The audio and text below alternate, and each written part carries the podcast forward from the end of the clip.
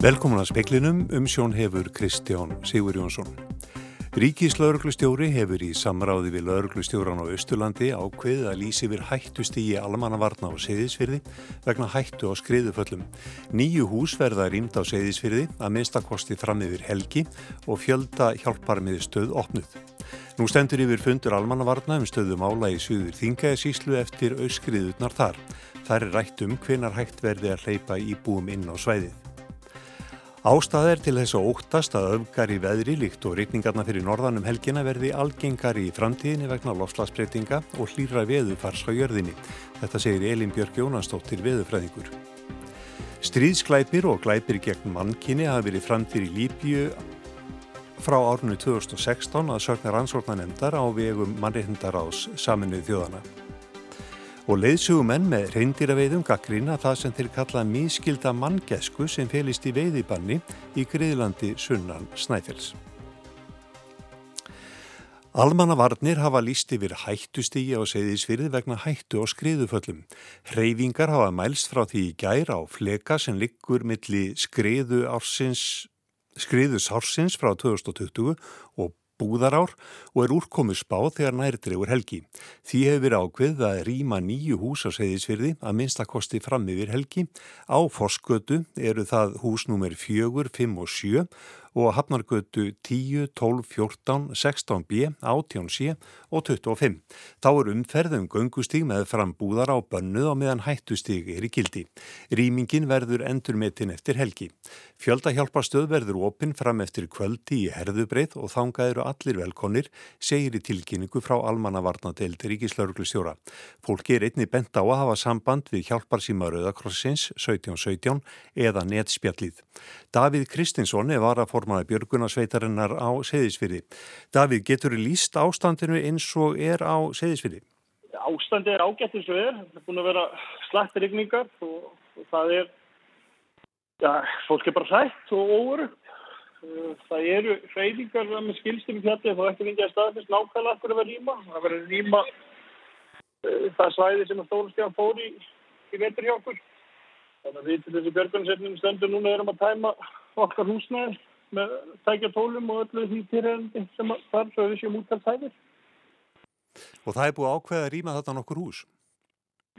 Já, það er búið, sem, þá, er þann hluta sem var fyrir stóluskriðunni í desember, það er verið að rýma það.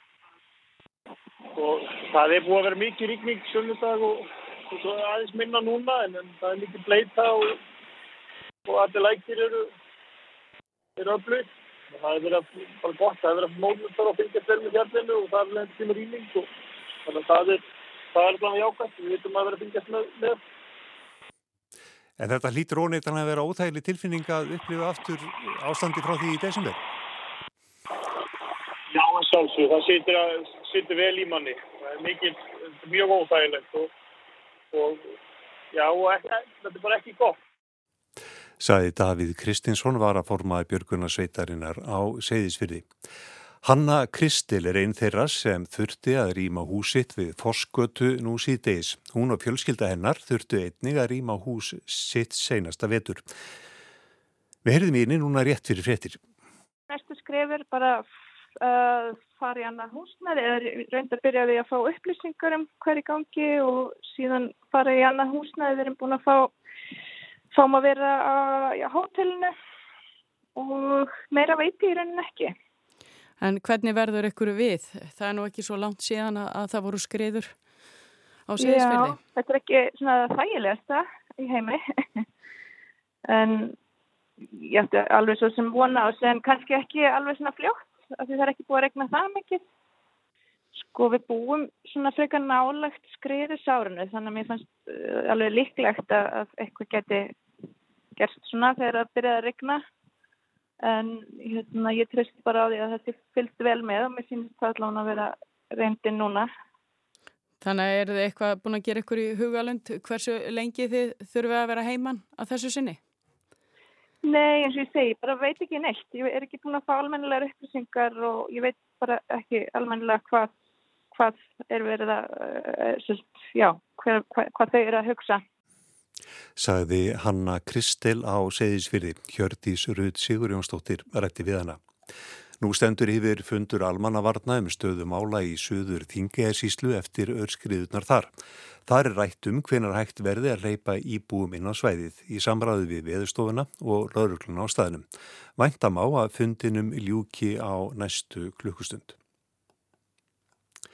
Fjórir af þeim fimm jöfnunarþingmönnum sem duttu út af þingi eftir endutalningu í norðvestur kjördæmi hafa kert niðurstöðuna. Þrýr til kjörbrefanemdar og eitt til lauruglu. Fymti frambjóðandin, Holmfríður Árnadóttir Vinstirgrænum, hefur ekki tekið ákverðun um kæru. Fundi undibúnisnendar kjörbrefanemdar laukum klukkan fjögur í dag. Birgir Ármannsson, þingmaður sjálfstæðisflokksins, var kjörinn formaður nemdarinnar á fundinum. Hann segir mikla vinnu fyrir höndum. Við í sjálf og sér uh, tókum engar ákvarðanir á þessum fundi, heldur bara rættum um það hvernig við ætlum að afla gagna og, hérna, og, og fara í þá vinnu sem er framöndan. Og eru flokkarnir ekki sammála um það hvernig eigi að vinna úr þessum málum? Ég gæti ekki betur heilt en að það væri ágætt sátt um það í nefndinni hvernig þetta fara í verkið. Við erum auðvitað eins og er náttúrulega eigum mikla vinnu fyrir höndum áður en við förum að komast að einhverjum miðustöðum sagði Birgir Ármannsson, Yngvar Þór Björnsson rætti við hann. Rannsóknar nefnd á vegum margindar á saminuð þjóðana segir að frá árinu 2016 hafi stríðsklæpir og glæpir í gegnum mannkinni verið framtir í Líbíu. Ástandið hefur haft alvarlega áhrif á efnahagslífi landsins og flest svið mannlífsins. Meðal þess sem nefndin vekur aðtikli á er einstaklega vond meðferð á flóttafólki sem býður þess að verða flutti yfir miðjarraðarhaf til Evrópu. Því er miðstyrmt og jafnvel myrt í flótamannabúðum. Margir hafa horfið sporlust, ekki síst konur. Sýrlenskir drengir, 15 til 18 ára, hafa verið skikkaðir til að berjast gegn uppreisnarhópum. Í fangelsum er fólk pyntað. Ástandið hefur haft alvarleg áhrif á efnahagslíf, líbíu, félagslegar aðstæður fólksins og menningu svo að nokkuð sé nefnt. Formaður nefndarinnar segir að allir sem með barist hafi í landinu síðastliðin ár, líbíumenn jant sem erlendir hermenn og málalíðar, hafi gerst sekjur um brot á alþjóðlegum mannréttindum og jafnvel framið stríðsklæpi og glæpi gegn mankinni. Draga verði forsprakka þessara hópa til ábyrðar fyrir framferðið þeirra. Nemndar menn hafa ekki nafngreint neina en sem komið er þar sem þörf sé á frekari rannsókn á óöldinni í landinu. Engum segja þeir þörfa á að kanna með hvaða hætti börn undir lögaldri voru skikkuð til að taka þátt í bardögum. Slemt ástand hefur ríkt í Líbíu allt frá árinu 2011 þegar einvaldurinn Muammar Gaddafi var rækinn frá völdum. Áskir Tómasson saði frá. Hreindýra veiðar gengu illa í sumar á helsta veiðisvæðinu sem nær meðal annars yfir fljótstalsheiði. Ekki náðist að veiða allan kvótan og eruðu 13 dýr eftir. Leiðsugumenn með hreindýra veiðum gaggrína veiðibann á griðlandi innan veiðisvæðisins þar sem alltaf 400 dýr hafi haldið sig í sumar. Í suðlegum áttum í sumar flökkuðu mörg hreindýr af svokölluðu veiðisvæði 2 yfir á önnur veiðisvæði. Veiðikvótin er bundin við svæði og stærsti kvótin er á svæði 2 og þar leikur vandin. Jón Hávarður Jónsson, formaður félags leðsögumanna með hrindýraveiðum, segir að margir veiðimenn sem leituðu á svæðinu hafi ekki fundið dýr sem mátti veiða. Á sama tíma held inn á Grílandinu, Sunnavesnæfell, hópar og dýrum sem aldrei var gefið leifi til að veiða úr. Þannig að ég vissi það að menn fóru veiðilausir heim hvað eftir annað horfandi á hrindýrinu og Grílandinu þar var ekki nokkuð leið að fá leiði til þess að stjaka við þeim eða veiður þeim. Margir frestuðu veiðum í vonum að ástandið batnaði sem það gerði ekki. Allt stemdi í óefni og bóðað var til neyðarfundarleið sögumanna með umhverfistofnun, náttúrustofu Östurlands og reyndiraráði. Ákveðið var að hlutakvótans mætti veiða á tveimur öðrum svæðum. Jón Hávarður segir að það sé ekki besta lausnin því það auki álaga á aðrar hjarðir ef leiftir þið að veiða innan griðlands við ákveðnar aðstæður myndi álægið dreifast og minka.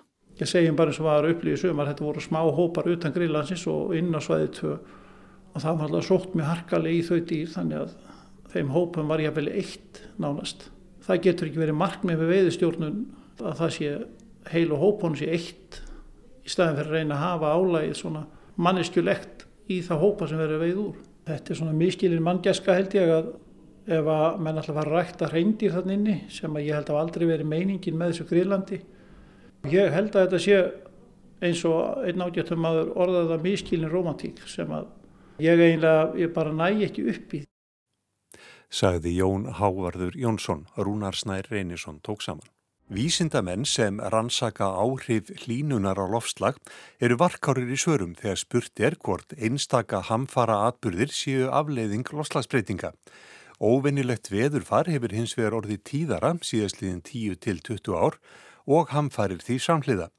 Þurkarnir og hlýjindin á norðaustur og austurlandi í sumar úrkoman og skriðuföllin í Seyðisfyrði í desember og svo núna úrhellið á Tröllaskaga og Kinnarfjöllum fyrir norðan. Er þetta afleiðing lofslagsbreytinga á jörðinni? Speillin rætti í dag við Elínu Björk Jónastóttur veðufræðing um þetta etni en fyrst skulum við rifi upp orð Haldós Björnssonar, lofslagsfræðings í samtali við Ragnhildur Tólasíus í speiklinum í síðustu viku.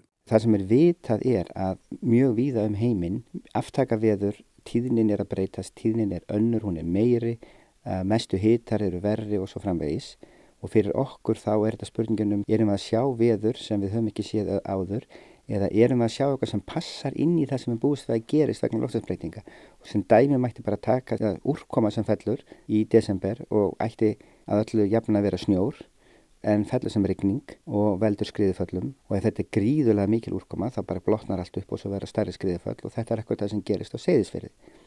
Þarna er ekki hægt að segja beint það voru loslasbreytingar sem gerða þetta en þú getur sagt að þetta passar alveg við það sem að þú getur búist við vegna loslasbreytinga. Það er að segja að úrkoma sérstaklega í fjöllum sé regning en ekki snjókoma á, á sem tíma árs Elín Björk Jónastótti viðurfræðingur hefur fylst með úrhellisrigningunni á Tröllaskaga og Kinnarfjöllum og afleðingum hennar síðustu tvo sólaringa. Skýringarnir á úrkominu sem slíkri er að við fáum ofsalega mikið rakt loft í raun og veru úr söðri austan við land sem að, sem að snýst svo sagt, um sjálft sig og, og verður á norðanátt þarna fyrir norðan og svona má segja keirir í veg fyrir kaldaloftið sem að kemur úr norðri. Og þá verður þessi ofsalega mettun hlýjaloftið er mjög hlýtt með árstíma og það má alveg gera ráð fyrir því að það hafi ringt sko upp í fjálstoppa á flatægaskaganum og þegar áttin er akkurat rétt, þegar hún er akkurat hánorðan eða rétt svona austan við norður að þá verður ofsalega mikið lifting á loftinu þegar það klessir þarna á þessi háufjöll, bæði utalega tröllaskaganum og eins á flatægaskaganum og magnar þá upp alla, alla úrkomi og það verðist hafa gerst núna og ekki verið svona staðbundið við kannski 2-4 klukkutíma heldur eiginlega verið samfelt alveg frá bara aðfaranótt lögadags og þar til í gæri sko. Er þetta óvinnilegt svona í sögulegu samengi? Já, við höfum ekki sagt sjálfvirka mæla þarna á flattegaskaganum þannig að ég veit ekki hversu miklar eða hversu háar úrkomutölunar þar hefði orðið en við erum með góða raðir af úrkomu á bæði Ólasfyrði og, og Siglufyrði og, og viða þar og Líklega er þetta með sagt, tveggja sólaringa úrkoma á, á mönnuði stöðin í Ólasferði. Sennilega ekki náð þetta á sjálfsku stöðin en það er bara blæbriða munur. Þetta er í öllu falli ofsalega mikil úrkoma. Á flategaskaganum segja heimamenn að þeir hafi bara aldrei upplefað aðræðinsregningu og ég trúi þeim bara þegar þeir segja það. Ég þarf enga úrkomi mæla til þess að segja mér að, að þetta hafi verið óvinnlegt ef fólk sem hefur búið hérna alla sína æfi talar um að hafa aldrei upplefað annað eins. Þá held ég að það sé bara rétt þá er það eiginlega stóra spurningin er þetta áhrif af loslasbreytingum? Já, þeirra stort er spurt okkur er auðvitað megin illa við að flokka einstaka atbyrði sem nákvæmlega loftlasbreytingar en við veitum hins vegar að þarna verður til dæmis mjög mikil rigning langt upp í fjöll af því að loftið er hlýra heldur en kannski alla jafnum þessum árstíma.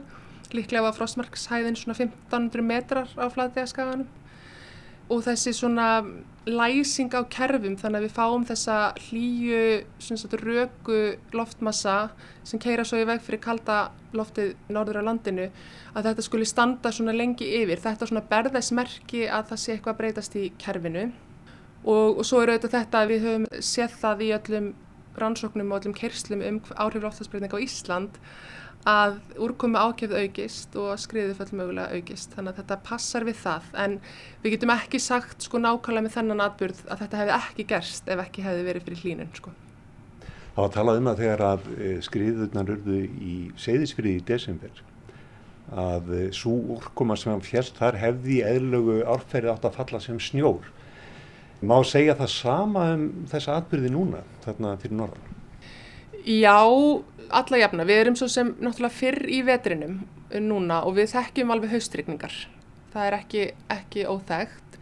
Það sem er kannski óvinnulegt er að það kom mikið kvassviðri eh, og, og norðan nátt hérna fyrri vikunni, semst á þriðutan í síðustu viku og þá kom niður bæði sko slitta og snjókoma og, og líka rigning og síðan hlýnaði á eftir því þannig að áður en að þetta vassviður núnum helgin að myndast og þá er í raun að vera komin snjór sem er síðan farin að bráðuna eða þiðina í fjálslíðunum og það er líka svolítið óvinnulegt sko að svona ringi af sko frosti og þýðu á haustin heldur en kannski við gerðum fyrir, fyrir einhverjum árum síðan.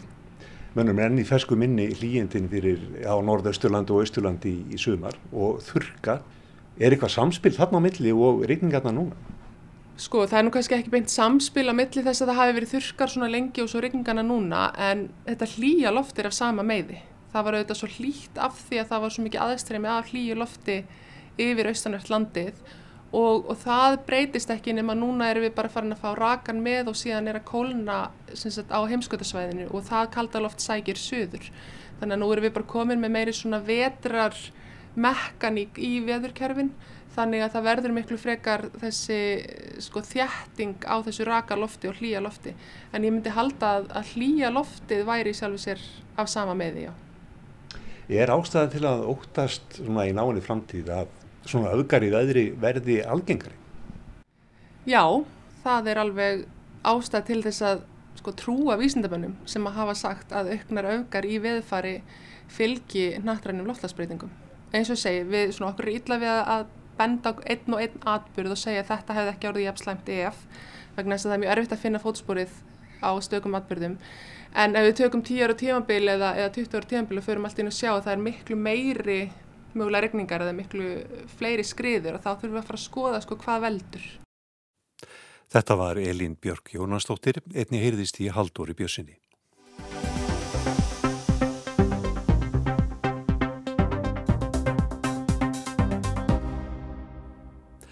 Pandóru skjölin eru stærsti gagnalegi í fjármála heiminum hinga til koma frá 14 aflands þjónustu fyrirtækjum. Alþjóðleg samtök rannsóknarblaðamanna stýra og skipulikja úrvinnsluna, líkt og áður með, Pana, með Panamaskjölin. Í fyrstu fréttarinni virðist ekkert tengjast Íslandi en annað með Breitland. Pandóruskjölin enn einn gagnalekin sá stæsti hinga til sem rifjar upp Panamaskjölin og eina aðalfrettina um allan heim eftir fyrstu frettarhinnuna úr þeim í april 2016 afsögn Sigmundar Davís Gunnlaugssonar þá fórsætsráð þeirra og leðtogi framsóknarflokksins. Iceland's under pressure Prime Minister Sigmundar Gunnlaugsson has tendered his resignation. Panamaskjölin komu öll úr einum stað, Mossack Fonseca, lögmannstofn í Panama. Nýju lekin er miklu viðtækari, skjöl frá 14 fyrirtækjum sem sér hafa sig í aflandsþjónustu, koma úr 12 lögsagnarumdæmum eða löndum, til dæmi Sviss, Bresku, Jónfrúrejum og Dubai, allt þekktir liðir í aflandsfléttum. Þarna komum við sögu 35 núverandi og fyrverandi stjórnmálaleðtogar, 330 stjórnmálamenn og embætsmenn í 91 landi auk glæbamanna af öllu tægi. Í veldunni eru tæplega 12 miljónir skjala sem 600 bladamenn frá 150 frettamidlum um allan heim hafa unnið og eru að vinna úr. Íslenskir fjölmiðlar komað úr vinslu Panamaskjálana því þar var töluvert af íslensku efni. Sankvamt fyrstu fréttum verðist íslenskt efni ekki áberandi í Pandorskjölunum. Skjölinn sjálf eru aðeins aðgengileg bladamönnum sem vinna með efnið. Líkt og með Panamaskjölinn þá er það alþjóðleg samtök rannsóknarblaðamanna eða International Consortium of Investigative Journalists sem stýra og skipuleggja úrvinnsluna. Samtökin fengu skjölinn nokkru mánuðum áður en veirufaraldurinn skall á og vinnan rétti hefjast í þann mund sem faraldurinn klift á ferðalög og sendi fólk heima að vinna. Líkt og margóft hefur einn nýtt á, aflandsfélög er í sjálfu sér ekki ólögleg það fer eftir hvernig þau eru nótuð. Í kjölfar umfjöllunar Panamaskjálana saði Barack Obama þá bandarækjaforsetti að já, mikið af þessu væri löglegt en það væri mitt vandamálið, fólk er ekki að brjóta lögðarna, heldur eru lögin svo ítla smíðuð. A lot of it's legal, but that's exactly the problem. It's not that they're breaking the laws, it's that the laws are so poorly designed Svo ídla smíðuð að fagfólki þessum efnum kemur auðveldlega fjö undan og það bytnar á tekjuöflun hins opimbera sem hefur þá minna fjö umleikis í brínmálefni eins og mentun og innviðabyggingu, allt sem gerir framtíð barnan okkar betri. Orð Obama eigi ekki aðeins við um bandaríkin heldur öll lönd. Bretland er kannski það land sem tapar mestu á aflandsfæðingunni. Bretland laðar að sér fjöldan allan af erlendum auðmönnum því London er einn helsta miðstöð aflandsvæðingar heimsins. Óvíða jafn mikil sérþekking á því að koma auðmönnum og fyrirtækjum undir huliðshjálm aflandsvæðingarnar, oft löglega vegna göðdóttrar lögjafar eins og Obama benti á. En einnig ólöglega eins og Íslensk skattifirvöld komu stað eftir hrun Þegar í ljós kom að nokkur hópur Íslandinga með eignir Erlendis notaði greiðslukort á Erlendabankareikninga til að kaupa vöru og þjónust á Íslandi. Þannig var peningur notaður á Íslandi utan eftirlits og skattlagningar. En aftur að Breitlandi eins og eitt starfsmaður fjármálafyrirtæki saði við speilin í morgun, fasteignir í London væri ekki einn stýrar og raunin er ef ekki væri vegna þessa fjár sem streymir hingað út á aflandsvæðinguna.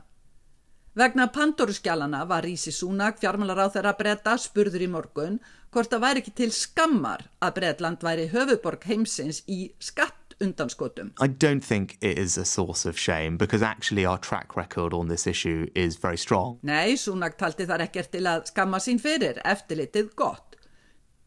Skjölinn segja aðra sögu, það er ekki endilega rínt í uppruna þess fjár sem streymir í eignakaup og fjárfestingar í Breitlandi. Tony Blair fyrir um fórsætsráþara og Thierry kona hans notuð aflandsfélag til að kaupa fasteign í London sangkvæmt Pandoruskjólunum.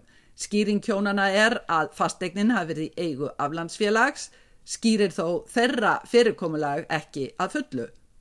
Pandoruskjólinn segja líka aðtilsverðasögu af nokkurum styrtar aðilum íhalsflokksins.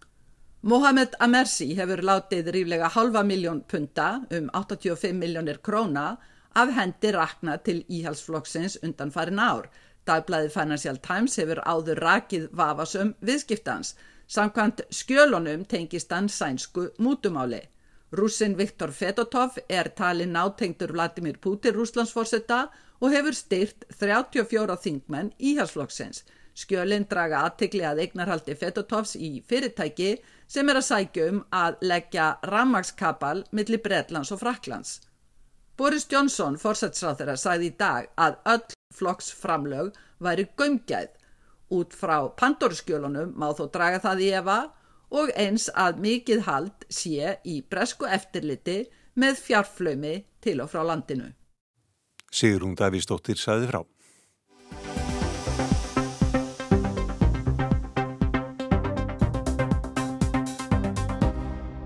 Sæðlabanki Íslands setti nýlega reglur um hámark greiðslubyrðar af fastegnarlánu með að við tekjur lántaka. Ásker Jónsson, Sæðlabankastjóri, segir þetta gert til að tryggja jarðsamband fastegnamarkaðarins og setja á hann bönd. Bara tryggja það að, að lánveitendur fara ekki í einhverja sankjætni sína milli hver getur lána meira á, á einhvern veginn með minning kröfum og það var það sem gerist á árunum fyrir hrunn. Þetta sagði Ásgeir í viðtali í þættinum hádeginu. Una Jónsdóttir, hagfræðingur í hagfræðideild landsbankan, segir að alltaf sé gott að grípa til fyrirbyggjandi aðgerða en hún telur ekki ástandi sér orðið eins og það var fyrir hrun. Það er þarna verið að takkmarka möguleika fólks til þess að, að taka lán sem nefnur meir en 35% af, af rástöfnum tekjum sínum þar að segja greiðslubyrðin. Eh, við sjáum að það, að það eru mjög fáir sem að hafi verið að taka lán þannig að greiðslubyrðin sé meiri en, en 35% af, af ráðstöfumteikjunum.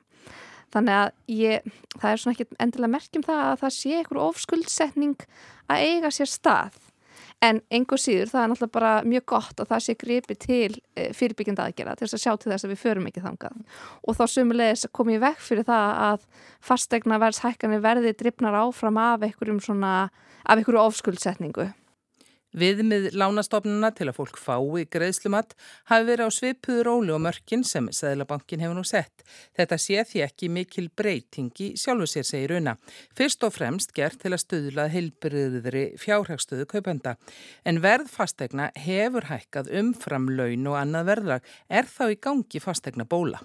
Ég hef viljað forðast að tala um bólu því að þá er eins og maður sé að gera ráð fyrir því að verð lækki síðan. Ég held við séum ekki alveg komin þangað. Vissulega eru hækkarna orðnar mjög miklar og, og það eru svona alla líkur á að það hægi eitthvað á taktinum og það þýðir ekki að verði lækki, það verði bara alltaf kannski aðeins hóværari hækkanir sem við sjáum millir mánaða. Og kórnveru faraldurinn hafði sín áhrif á fastegnumarkaðin. Þetta var svolítið merkilegt, við sáum að þetta gerast í bara í rauninni um leið og, og faraldurinn skall á. Þá hérna lækkuðu vextir, fólk satt heima í samkomi takmarkunum þar sem að neyslu mögulegar voru takmarkaðir eh, en vextir lágir og, og þá hérna leitaði fjármagn mjög inn á fastegnumarkað, bara mjög, mjög góður tími til þess að kaupa. Og margir voru, er náttúrulega búin að sitja heima með allir í fjölskyldinni og, og, og hérna kom, búin að sitja heima skrifstofu og þess aftar og þá sáum við það að eftirspurnin var meiri eftir sérbíli og í rauninu verðhækkanum sem við sjáum núna eru drifnar áfram af hækkunum á sérbíli og kannski er bara einhver leiðrættinga í þessi stað á markanum því að uh, áður fyrir þá voru hækkanum svolítið drifnar áfram af fjölbíli en núna verðist sérbíli svolítið verið að taka við sér og kannski er þetta eins og ég segi bara einhver leiðrætting af því að við erum að fara að sjá aðeins breyta eftirspurn. Það er bara einhvern veginn eins og hérna, smekkur fólks fyrir húsnæði hafi aðeins breyst.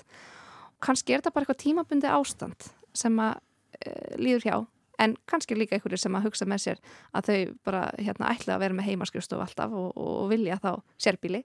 En hvað segir unna um fullirðingar um að verðhækkanir undanfærin að missera sprett af skorti? Það vantir lóðir og þurfa að byggja meira. Íbor uppbygging hefur verið mjög sveiplukent hér á landi. En svona að jafna þið þá er við að allavega hefja byggingu á uh, fleiri íbúðum með við mannfjölda heldur en nágræna þjóður okkar til dæmis. Þannig að þó að það drægist eitthvað saman þá eru við engur síður að byggja mjög mikið. Og þetta er náttúrulega bara eitthvað sem þarf að vakta því að við höfum lendi í því að íbúðamarkar farir bara í frost og, og það myndist íbúðskortur og við viljum alls ekki að það gerist. En við þurfum bara að vera vakandi fyrir því að núna jógst eftirspurning mjög hratt. E, og eðlið þessa markaðar er þannig að eftirspurning getur bara tekið við sér á einni nóttu. En það tekur tíma að byggja íbúðir og, og við viljum ekki fara á stað í ofumörgu uppbyggingverkefni ef eftirspunni skildi draga saman. Nú er ég ekki að segja að ég telli eitthvað líkur á að það gerist en við þurfum bara einhvern veginn að, að gera áætlanir langt fram í tíman og byggja bara jamt og þjætt og mér sýnist við svona vera á ágættir leið allavega, allavega breytist íbúðfjárfæsting lítið e, eh, millir ára í fyrra og við veit ekki, kannski er við komið með eitthvað svona stöðuleika hvað það var þar en, en ég hérna veit það ekki alveg. Það er eitthvað, eitthvað smá samdráttur núna sem hann talningu samtakaðinaðins. Seðlabankin hefur hækkað stýrivexti um 0,25% stig tvíveis á þessu ári. Greiningadeildir bankana spá þriðju hækkunni og það gæti enn haft áhrif á fastegnlán. Eh, núna búir við nýjan veruleika á, á íslenskum lánamarkaði eh, þar sem að helmingur af útistandandi lánum eru overtrið og þetta gerðist í rauninni bara líka í þessum COVID-faraldri að vexti lækkuðu og, og fólk eh, sótti meira í overtrið lán því að það bara var allt í einu mögulegt þegar að, hérna, þau eruð hagstæðri og overtrið lán eru, eru næm fyrir vakstabreitingum, sérstaklega ef, ef þau bera ó, eh, hérna, breytilega vexti. Og cirka þriðjungur af öllum útestandandi lánum eru overtrið lán á breytilegum vöxtum. Og núna þegar vextir fara hækkandi þá er alveg viðbúið að greiðslu byrði þar sem eru með slík lán muni aukast og það náttúrulega hefur ímsar afleggingar í för með sér, það mun hérna draga úr uh, eftirspurn eftirspurn eftir bara bæði fastegnum og líka bara almenni bara neysluvöru. Sæðlabankin hefur allavega áhyggjur af þróum fastegnverðs og hefur ímist tæki og tól til þess að koma böndum á hann og eins og hann er búin að gera núna nokkru sinnum.